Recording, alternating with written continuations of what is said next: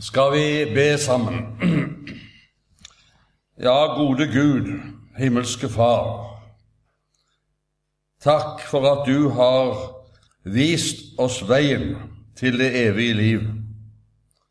Takk, Herre Jesus, for at du er veien, sannheten og livet.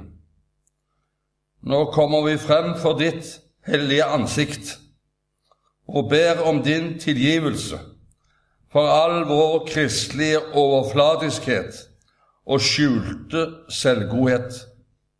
Vil du ransake oss ved din gode ånd og se om vi er på fortapelsens vei, og lede oss på evighetens vei. Amen.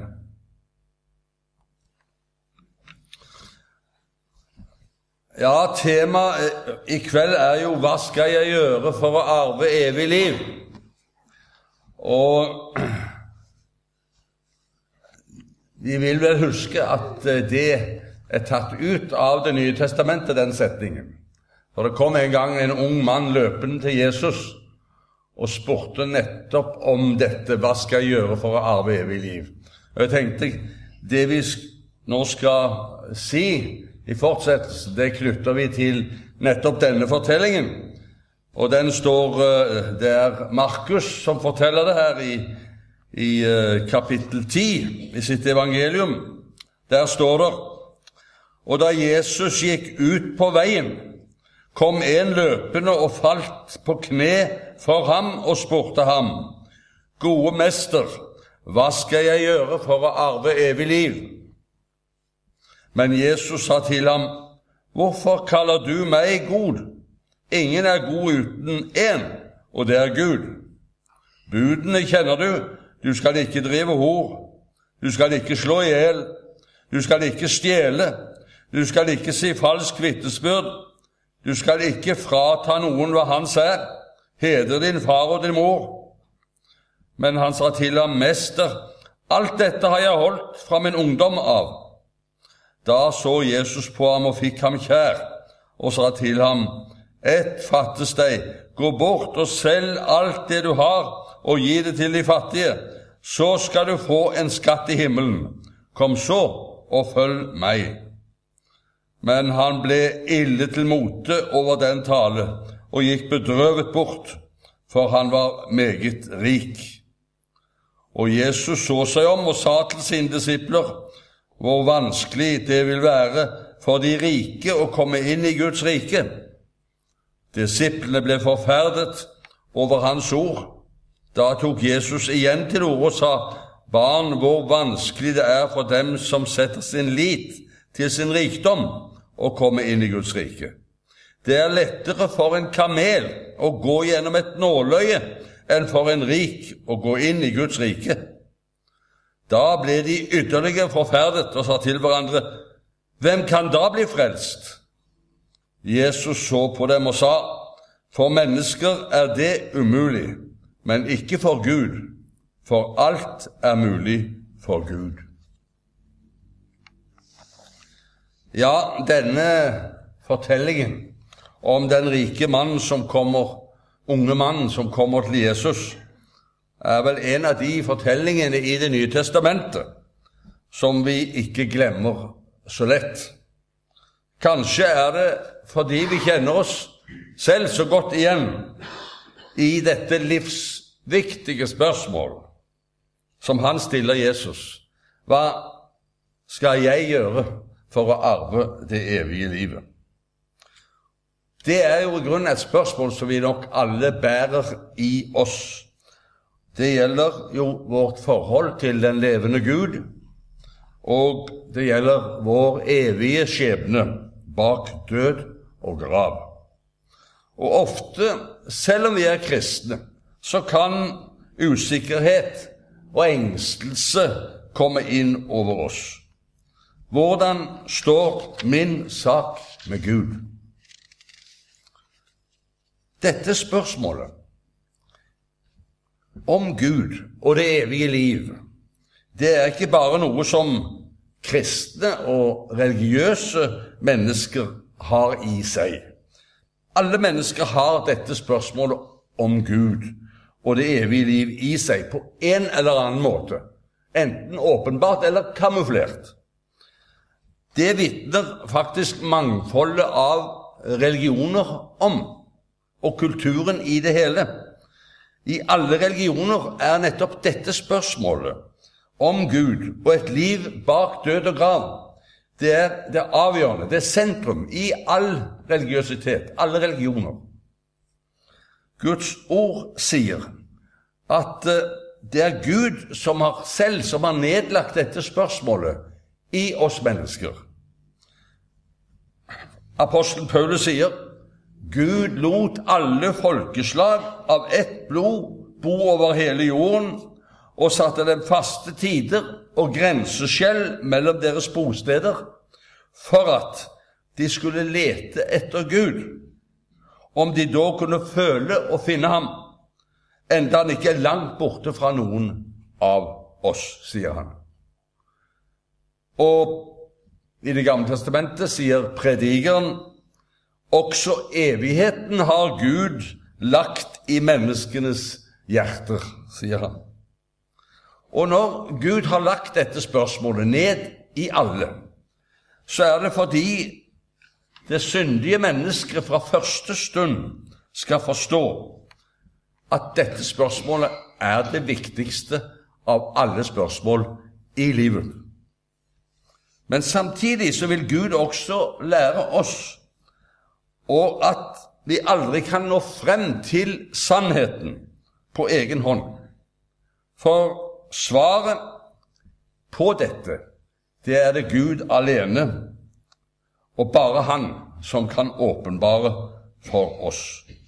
Derfor sier også predikeren i fortsettelsen Han sier at Gud har lagt evighet ned i menneskets hjerte, sier han, men slik at mennesket ikke til fulle kan forstå det verk som Gud har gjort.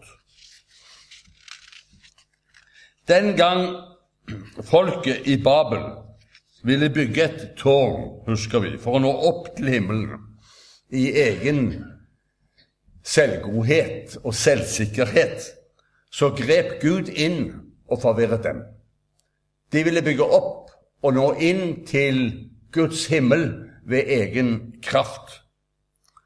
Og det samme har Gud alltid gjort siden når det syndige mennesket på egen hånd ville søke svar på spørsmålet om Gud og livet bak død og grav. I sin vrede over menneskets hovmot så etterlater han mennesket i forvirring. Det vitner faktisk også alle religioner fra de eldste tider og frem til vår tid om, og også all filosofi som mennesket produserer. All religiøs filosofi, alle menneskelige spekulasjoner om Gud og om et liv etter døden, det vitner alltid om usikkerhet og forvirring. Og Gud bruker den naturlige religiøsitet i mennesket til å holde mennesket ned i uvisshet samtidig som spørsmålet hele tiden ligger der. Han holder mennesket nede i angst og frykt for fremtiden, for det som er bak død og grav. For at i den hensikt at mennesket skal søke ham der han er å finne, i hans åpenbaring av sannheten. Men til menneskets spørsmål etter om det er en Gud, om det er et liv etter døden, så hører også alltid dette spørsmålet hva skal jeg gjøre for å arve dette evige livet? Og det er det som den unge mannen har på hjertet når han kommer til Jesus. Også det spørsmålet ligger faktisk innbakt i vår natur, og det er Guds vilje. Han har fra skapelsen av. Gud har fra skapelsen av faktisk latt virkningene av sin hellige lov, vilje, innprente i menneskets bevissthet, slik at mennesket av seg selv skal forstå at Gud om han er der, er en hellig Gud og ukrenkelig Gud som ikke tåler at hans vilje krenkes. Derfor sier Paulus, f.eks. i Romerbrevets annet kapittel, sier han, vers 15, at Guds lovs gjerning er skrevet i hedningenes hjerter, sier han. Guds lovs gjerning er skrevet i hedningenes hjerter, i det også deres samvittighet gir sitt vitnesbyrd. Denne samvittighetsreaksjon på det hedenskap til hedningene føler eh, At de står til ansvar overfor en Gud som de dog ikke kjenner, det er noe som kan, vi kan finne overalt i alle religioner. Men på tross av dette, på tross av denne indre følelse som mennesket har, så tror mennesket i sin selvgodhet på grunn av synden at det kan tekkes Gud ved sine egne fromme gjerninger. Det tror at det kan yte slike gjerninger overfor guddommen at det kan tilfredsstille Guds hellighet og ukrenkelighet på en eller annen måte. Og dermed har menneskets selvgodhet og hovmot berøvet Gud hans ære. Det viser hvor langt nede i synden mennesket egentlig er kommet, og hvor langt borte fra sannhetsgud mennesket egentlig er. Om dette vitner all hedensk religiøsitet fra de eldste tider og frem til det moderne mennesket i dag. Hva skal jeg gjøre? Er spørsmål som hele tiden går igjen, åpent eller kamuflert. Og det er ikke ende på alt det hedenskapet finner på av gjøremål og selvlagede fromme gjerninger for å tekkes det guddommelige og mildne guddommens vrede, så man kan arve det evige livet. Denne mentalitet og manglende erkjennelse av egen syndenatur og av Guds hellighet og fullkommenhet, hva det innebærer, den er så fastgrodd, faktisk, i vår menneskelige natur etter syndefallet, at selv ikke Guds eget folk, som han hadde utvalgt for seg, jødefolket, maktet å overvinne det. Enda de hadde profetene som stadig talte om syndens rot i menneskehjertet, og at man ikke kunne tekke Gud ved gode gjerninger. De ville aldri bøye seg for dette. Gud hadde gitt folket profetene, og de talte klart om syndens radikalitet og om menneskets manglende mulighet til å stå for Guds hellighet. Profeten sa det finnes ikke én rettferdig. Ikke én. Det finnes ikke én eneste som søker Gud, sannhetsgud. Alle er avveket. Det er ikke Guds frykt for deres øyne. Altså, profeten taler ikke om at det ikke, at, at det ikke at mennesker, det finnes ikke noen mennesker som, som søker etter eh, noe guddommelig. Det er ikke det han sier. Men han sier det finnes ikke én rettferdig som kan stå for sannhetsgud. Og det er ikke et eneste menneske som i sin religiøsitet søker ham som er veien, sannheten og livet. Men folket, de vil ikke høre på det. De vil ikke høre Guds ord, det det sa om syndens dybde og veldige alvor. I stedet forble de på overflaten og var opptatt av hva de skulle gjøre for å tekkes Gud, som de åpenbart hadde laget seg i sitt eget bilde. Profetene talte klart om Guds hellighet, om Guds opphøyethet, om Guds fullkommenhet, og om Guds ånd som ransaket det innerste i mennesket. Vi husker profeten Jesajas, da Gud kalte ham og åpenbarte seg for ham. Hellig, hellig, hellig er Herren herskarenes Gud. Og da Jesajas møtte Gud, skjønte han at han var fortapt. At han, det var ute med ham, som det står. Og David, profeten David, sa etter han hadde møtt den hellige Gud ved profeten Natan Mot deg alene har jeg syndet, og hva ondt er i dine øyne, har jeg gjort, for at du skal være rettferdig når du taler, være ren når du dømmer. Og han sa, Herre, du ransaker meg, og du kjenner meg. Hvor skal jeg gå fra din ånd, og hvor skal jeg fly fra ditt åsyn? Ransak meg, Gud, og kjenn mitt hjerte. Prøv meg og kjenn mine mangehånde tanker, og se om jeg er på fortapelsens vei, og led meg på evighetens vei. Han ber Gud om å gjøre dette, for han har forstått at han makter ikke å se inn i seg selv og ransake seg selv. Derfor ber han Gud om å gjøre det, for at Gud kan lede ham på den rette vei. Men folket, Israels folk, de ville ikke høre. I stedet forfulgte de Herrens profeter.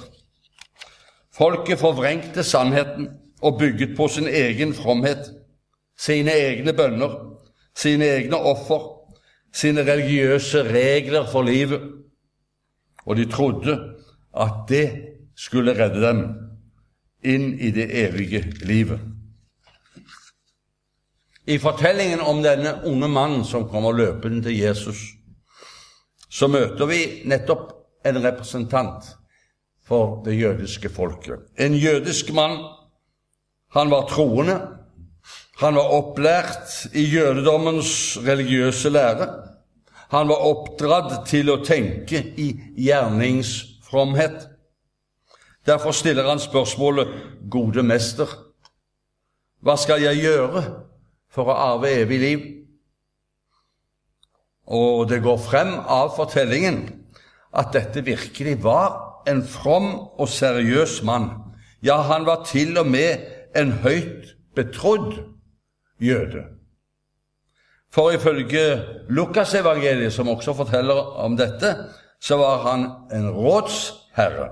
Det vil si han var en tillitsmann, valgt inn i det høyeste religiøse organ, Det høye råd. Og for så vidt så var han til og med domsmann i religiøse spørsmål. En slags teologisk spesialist. Likevel så kom han til Jesus med sitt spørsmål. Han var forvirret, han var full av angst. Han var Og dette spørsmålet om hva han skulle gjøre for å arve det evige liv, det var blitt så fortvilet aktuelt og skremmende for denne mannen at han, da han fikk høre at Jesus var like utenfor Jerusalem, så tok han bena fatt, og så løp han ham i møte i håp om endelig å få et svar som han kunne slå seg til ro med. Gode mester, kaller han Jesus. Allerede i sin første kommentar til mannens spørsmål så setter Jesus denne unge mannen på plass. Han sier, 'Hvorfor kaller du meg god?' Ingen er god uten én, nemlig Gud. Jesus vet hvordan denne mannen tenker. Han ser rett igjennom ham, og derfor skjærer han gjennom hans overflatiske tenkning om det gode. Jesus avviser at man kan kalle et menneske for god. For ordet 'god', det tilkommer bare Gud, sier han. Ingen er god uten én og det er Gud. Men selv om Jesus her avviser å kalle noe menneske for god, så avviser han likevel ikke at mannen kaller ham god. Jesus sier ikke du skal, du skal ikke kalle meg god. Han sier ikke det. Men han sier, 'Hvorfor kaller du meg god?' Og det er det forskjell på. Det betyr kaller du meg god fordi jeg er en from lovlærer? I så fall vanærer du Gud, for bare Han tilkommer ordet god. Eller kaller du meg god fordi jeg er Gud? I så fall gjør du rett, for ingen er god uten én, og det er Gud. Dermed har Jesus allerede fra begynnelsen satt tingen på plass. Den som er god, og som alene kan belære oss om det gode, det er Gud. Uansett om et menneske er aldri så dypsindig og klokt og religiøst. Han, Herren selv, er derfor også den eneste som kan si oss hva du og jeg skal gjøre for å arve det evige livet. Derfor ser vi nå at Jesus som svar på mannens spørsmål om hva han skal gjøre for å arve det evige livet, siterer Guds eget ord. Han svarer med henvisning til de ti bud. Han sier, 'Budene kjenner du, du skal ikke drive hor, du skal ikke slå i hjel, du skal ikke stjele, du skal ikke si falsk vitnesbyrd, du skal ikke frata noen hva hans er. Heder din far og din mor. Her svarer altså Jesus på mannens egne premisser, så å si, nemlig hvordan han ved gode gjerninger skal kunne tekkes Gud og gjøre seg fortjent til det evige livet. Hold budene. Det var jo det denne mannen var opptatt av, å få vite hva han skulle gjøre. Så Jesus tar ham faktisk på ord. Men med det svaret Jesus her gir, skulle vi vel umiddelbart tro at mannen forsto at han ikke kunne vinne det evige livet ved sine egne gjerninger. For han måtte da forstå at han kom til kort i møte med Guds hellige vilje i de ti bud. For hvem av oss ville vel ikke lukket vårt munn allerede her og gått bort i fortvilelse ved et slikt svar fra Jesus? For om jeg nå skulle være ærlig mot meg selv og mot Gud, så vet jeg at jeg i lys av denne Guds vilje med livet mitt, så har jeg ikke noe håp om noe evig liv.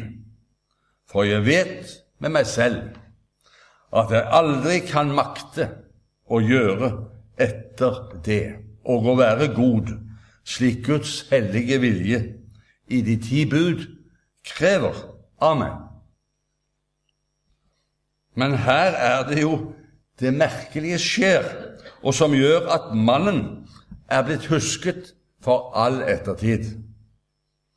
For denne mannen har det helt annerledes med seg selv og sitt forhold til Guds bud enn vi skulle vente etter Jesus svar. Han mener nemlig bestemt at dette svar fra Jesus ja, det er ikke tilstrekkelig. For som han sier, 'Mester, alt dette har jeg holdt fra min ungdom av.' Hva så? med andre ord. Men kan da dette være tilstrekkelig for å arve det evige livet? Jeg har jo allerede oppfylt det, så vidt jeg kan forstå. Må jeg ikke gjøre noe mer? Og mannen, han var virkelig i god tro. Og han fremstilte seg ikke bevisst for Jesus som en annen enn den han var. Han var from og hadde beflittet seg alvorlig på å oppfylle Guds vilje i de ti bud gjennom hele livet. En from ungdom, en from ung mann. Derfor står det at Jesus fikk ham kjær, for han skjønte at mannen var i god tro. Han så at det mannen sa, var oppriktig ment fra hans side. Og han så også at mannen hadde en sjelelig nød fordi hans fromhet og lovoppfyllelse ikke ga ham ro i sjelen.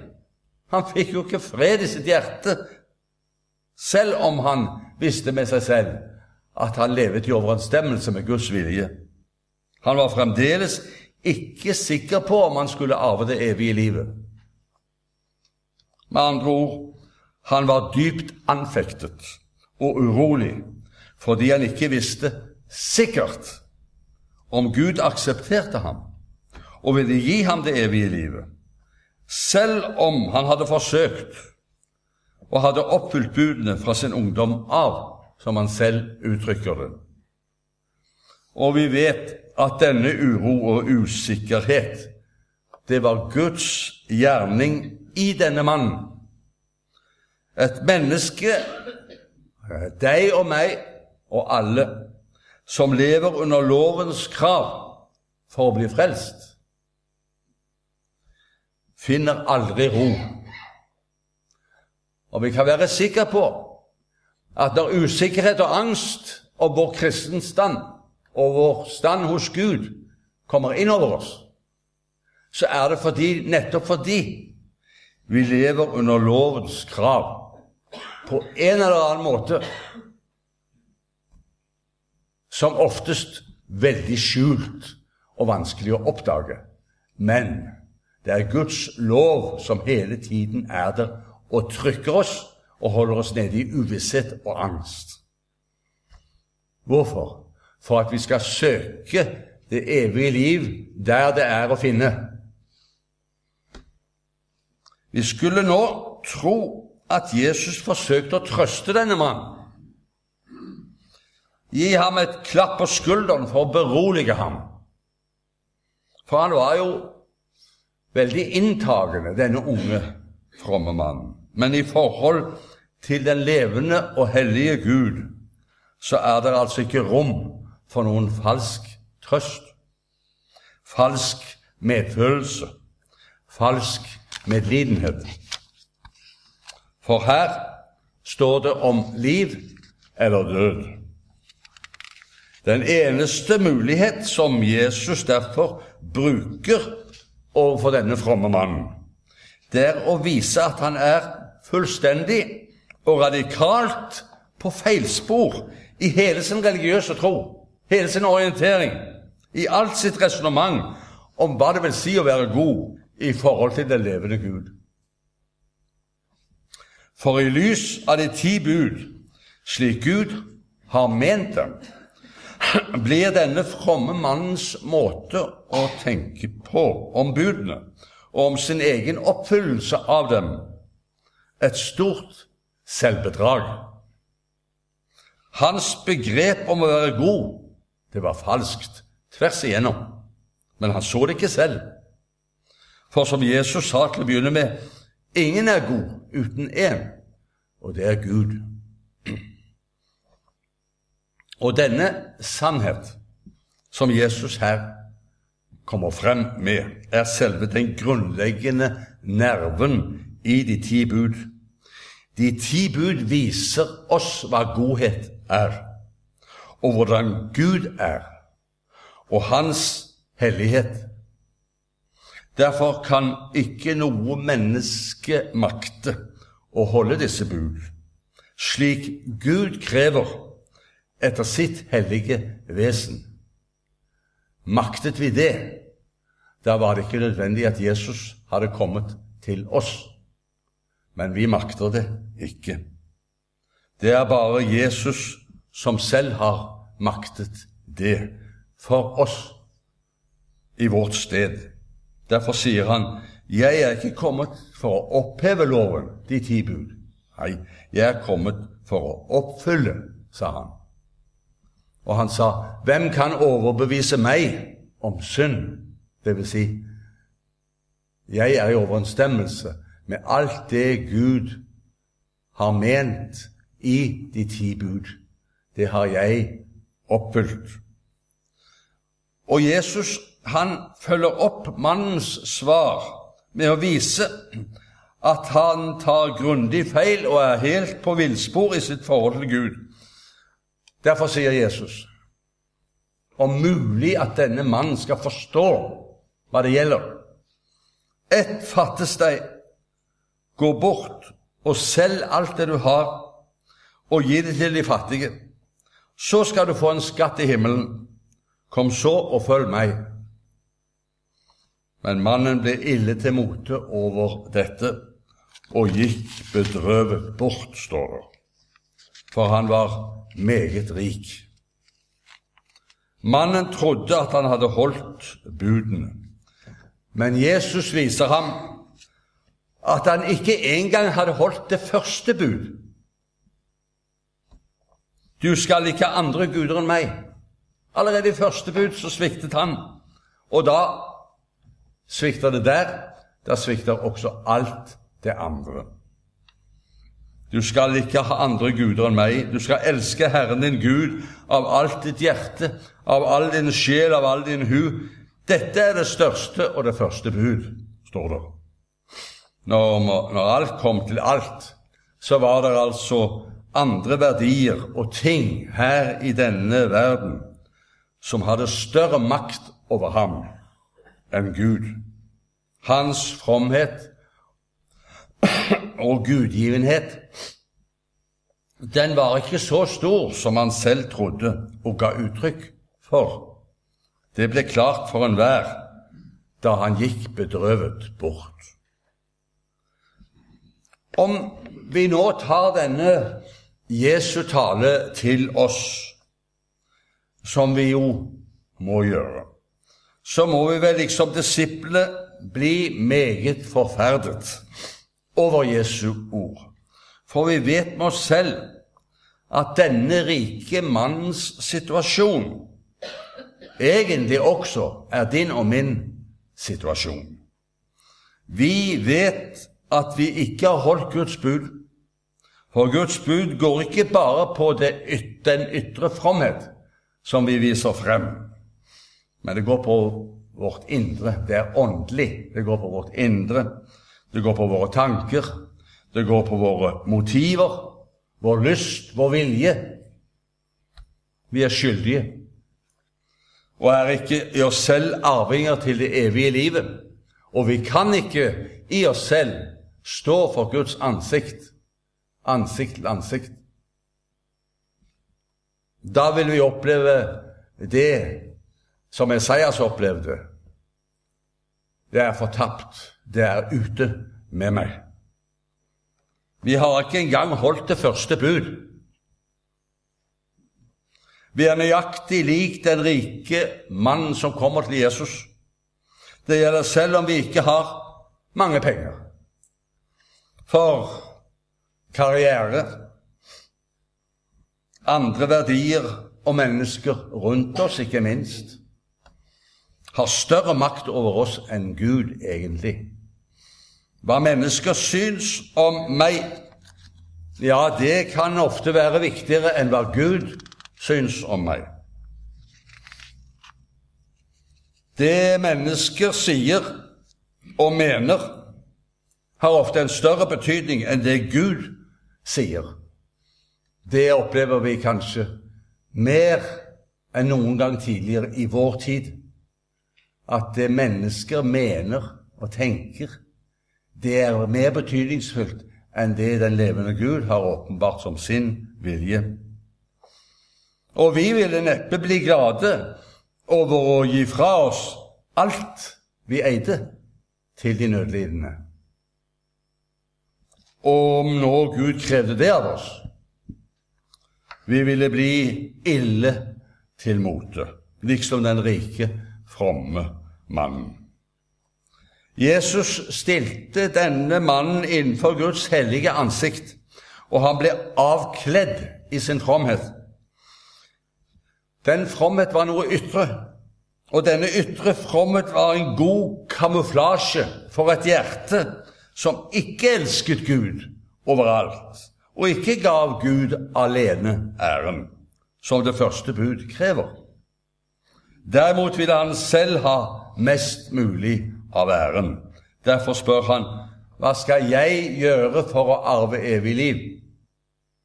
Og denne holdning, se til om ikke også det på dypet er vår holdning. Når Jesus derfor i fortsettelsen taler om hvor vanskelig det er for en rik å komme inn i Guds rike, så taler han like meget om alle oss som er bundet opp på en eller annen måte med utallige avguder, som vi omgir oss med til daglig, kanskje. Hedningene, de har sine husguder. Vi har også våre husguder, som har makten over oss. Du har dine, jeg har mine. Og om vi ikke skal komme i den situasjonen at vi går bedrøvet bort, slik den rike mannen gjorde det, ja, da trenger vi til å se vår egen situasjon, at den er uholdbar innenfor den levende Gud og Hans hellige ansikt. Om vi ikke ser det, så går det oss ille. Det Jesus sier om at det er lettere for en kamel å komme igjennom et nåløye enn for en rik å komme inn i Guds rike, det gjelder for oss alle. For vi er rike. Virkelig rike. Vi er rike og sitter fast i vår rike, rikdom enten det nå består av rede penger i banken, eller det er stillinger, karriere og mennesker som er vår rikdom, og som vi slaver under, og som gjør oss ufrie og ødelegger vårt gudsforhold. Av den grunn ble disiplene også meget forferdet. De følte at Jesu ord også gjaldt dem, de var jo ikke rike på penger i og for seg, men de skjønte likevel hva Jesus siktet til. Og derfor ble de engstelige og sa, 'Hvem kan da bli frelst?' Så har Jesus ført spørsmålet fra 'Hva skal jeg gjøre for å arve det evige liv?' over til et enda mer vidtrekkende spørsmål. Hvem kan da bli frelst? Og det hele er blitt så radikalt. Vi står for den levende og hellige Guds ansikt. Det er dit Han vil føre oss.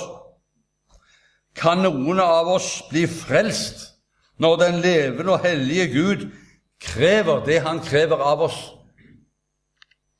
Jesus' svar er like radikalt som spørsmålet.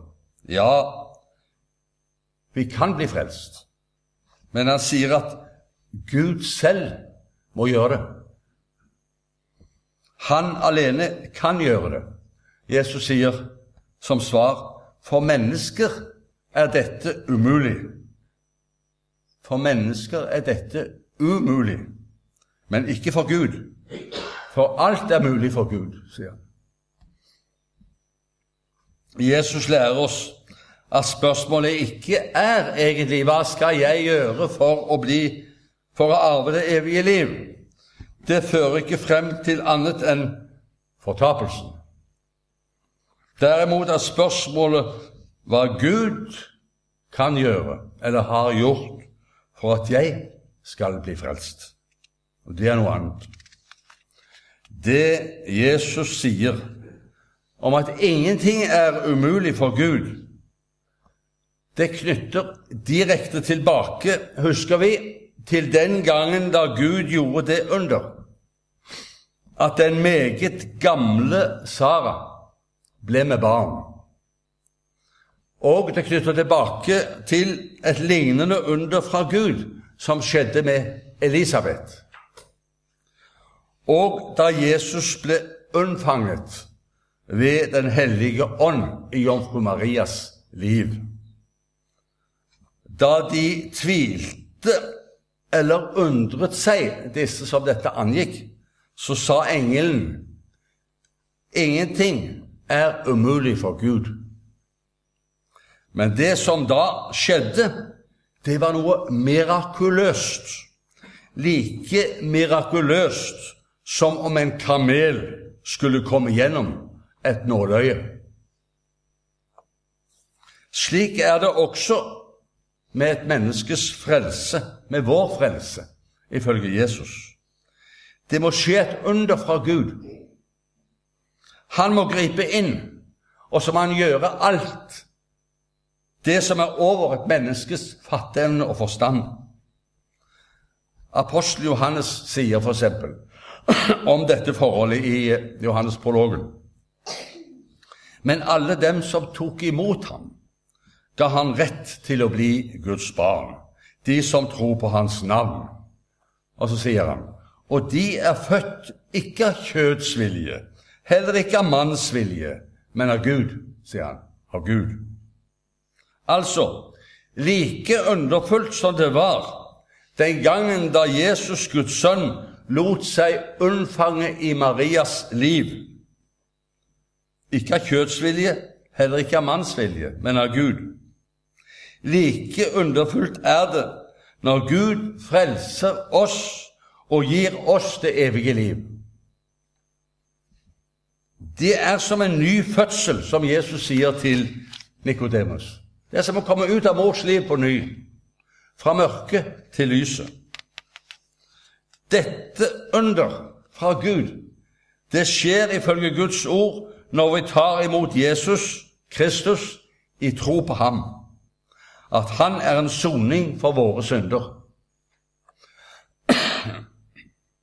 Da har Gud fått gjøre alt til vår frelse, og æren er hans alene.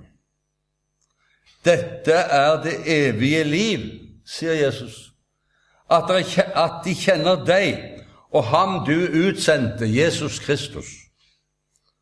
Og apostelen Johannes sier han, han er en soning for våre synder. Ikke bare for våre, men for hele verdens. Tror vi dette Guds ord, da har dette Guds ord en sånn kraft som det hadde på skapelsens morgen, når Gud sa 'det blir lys', og det ble lys. Slik er det også med dette ordet når det treffer vårt hjerte, og vi tar det til oss. Da blir det som om Gud sier, setter oss over fra mørket til lyset.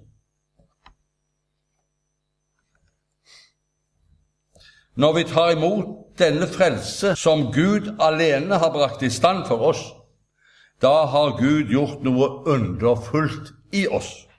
Han har ved sitt ord latt oss forstå at vi trenger frelse fra synd og fra hykleriet. Da har han latt oss se at det hans apostel sier, er sannhet.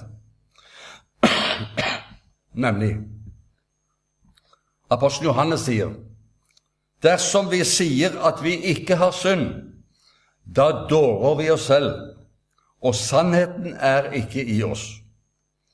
Dersom vi bekjenner våre synder, er Han trofast og rettferdig, så Han forlater oss syndene og renser oss fra all urettferdighet. Dersom vi sier at vi ikke har syndet, da gjør vi ham til en løgner, og hans ord er ikke i oss. Der ser vi faren ved hykleriet. Derfor var også den unge mannen i livsfare. Derfor er det også Jesus tar så hårdt på ham som han gjør. Da, når vi har tillit til Jesus Kristus, da er vi kommet ut i lyset, i en ny fødsel. Og da er ikke lenger vårt spørsmål 'Hva skal jeg gjøre for å arve evig liv?' Da er spørsmålet blitt 'Hva kan jeg gjøre for å vise Gud takknemlighet for at Han har gitt meg det evige livet i gave ved troen på Hans Sønn Jesus Kristus?' Da er tvilens og uvisshetens spørsmål blitt avløst av en full visshet om at jeg er en tilgitt synder for Jesus skyld og eier det evige livet, så sant jeg setter min lit til ham. Min lit til at han har utslettet min syndeskyld på korset, som jo er det eneste hovedsak som Guds ord vil meddele oss til liv og salighet. Da er tvilens spørsmål avløst av et Herre, jeg hjertelig ønsker å fremme din ære. Dertil du skapte meg, at jeg din tjener skal være. Amen. Ære være Faderen og Sønnen og Ånden, som var og er og blir en sann Gud fra evighet og til evighet. Amen.